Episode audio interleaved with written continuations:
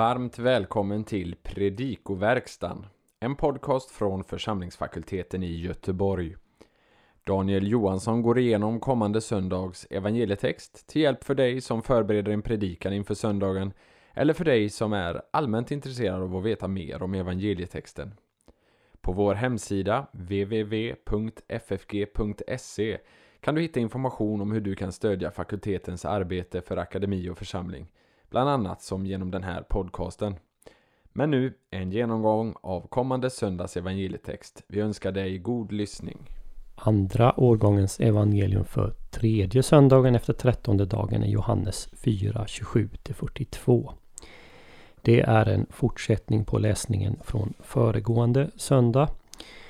Fokus skiftar nu från Jesu dialog med den samariska kvinnan till Jesus samtal med sina lärjungar samtidigt som kvinnan för ordet om Jesus vidare till sina landsmän. Det föreligger inga större svårigheter att översätta texten men vi noterar några detaljer. I vers 31 finner vi konstruktionen en tå metaxy.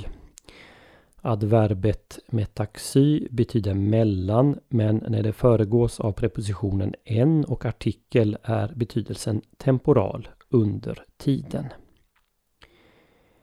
I verserna 29, 33 respektive 35 finner vi frågor som inleds med frågepartikeln mäti respektive negationerna med och och. När en fråga inleds med mäti förväntar sig den som frågar antingen ett negativt svar eller uttrycker en viss tvekan. I vers 29 måste det vara frågan om tvekan. När en fråga inleds med O förväntar den som frågar ett jakande svar och när en fråga inleds med med förväntas ett nekande svar. Lärjungarna förväntar sig alltså inte att någon burit mat till Jesus vilket framkommer bättre i folkbibelns översättning än Bibel 2000. Jesus förväntar däremot ett jakande svar på frågan om det är fyra månader kvar till skörden. Något som är tydligare i Bibel 2000 där man har vänt frågan till ett påstående. I vers 35 stöter vi på tas choras i ackusativ pluralis. I singularis betyder chora land, landområde. Men i plural som här avses eh, kultiverad mark, fält. Ton samariton i vers 39 är en så kallad partitiv genitiv som beskriver en del i en helhet. Här syftar genitiven tillbaka på polloi med betydelsen många av samarierna.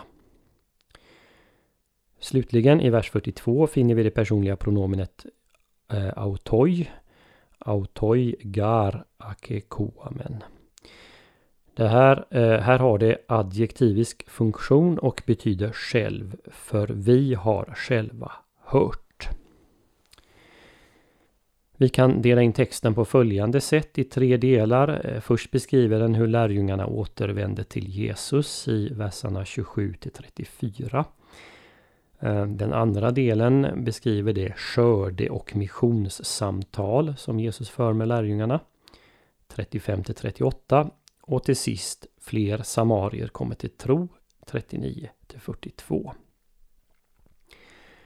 I samtalet mellan den samariska kvinnan och Jesus, liksom i samtalet med Nikodemus i kapitel 2, uppstår ett, uppstod ett missförstånd.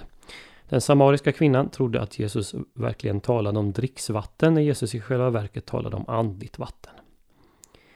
Ett liknande missförstånd driver dialogen framåt mellan Jesus och lärjungarna när de kommer tillbaka.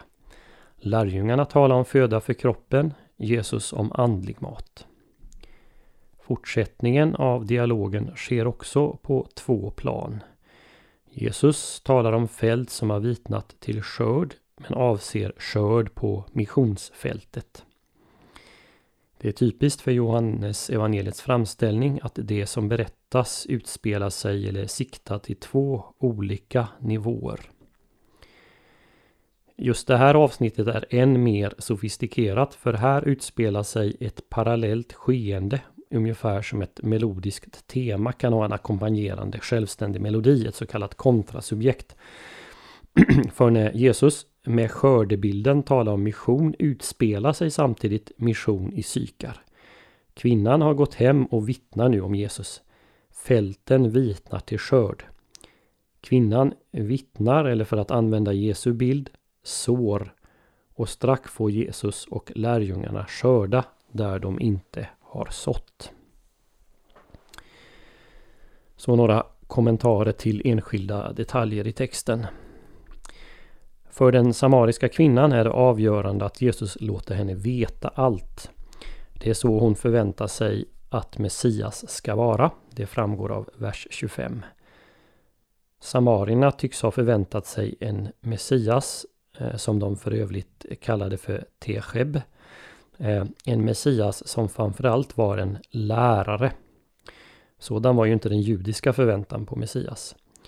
Men Jesus uppfyller uppenbarligen den samariska förväntan och kvinnan går in i staden och vittnar med orden Kom och se en man som har sagt mig allt som jag har gjort.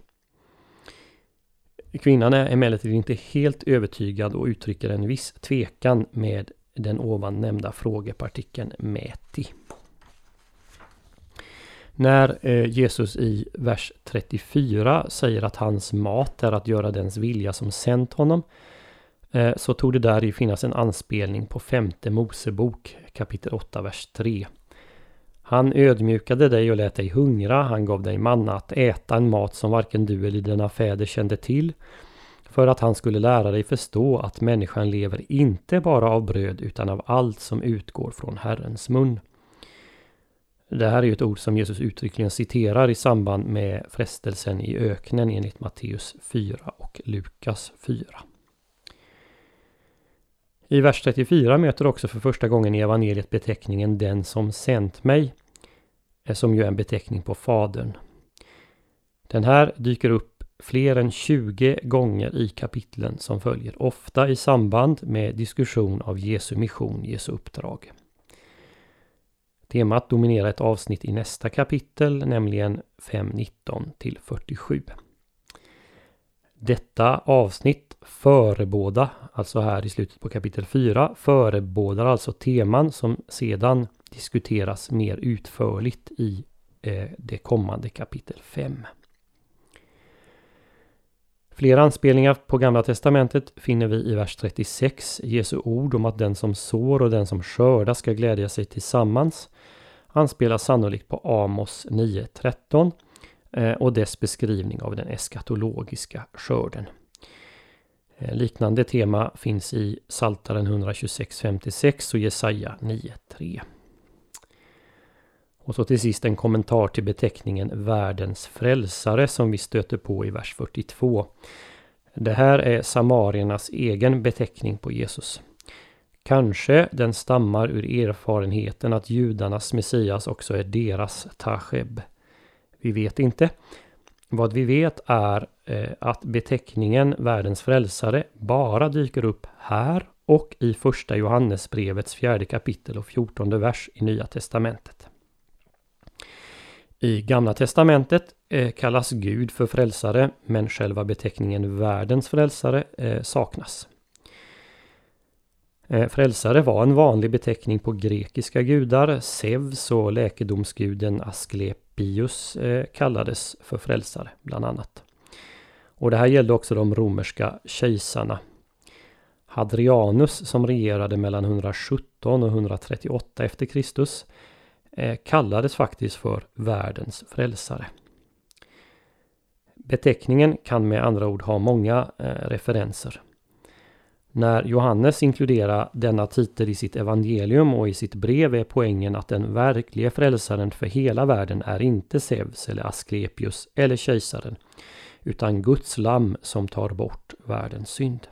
Han är inte bara judarnas frälsare utan också samariernas, ja hela världens frälsare.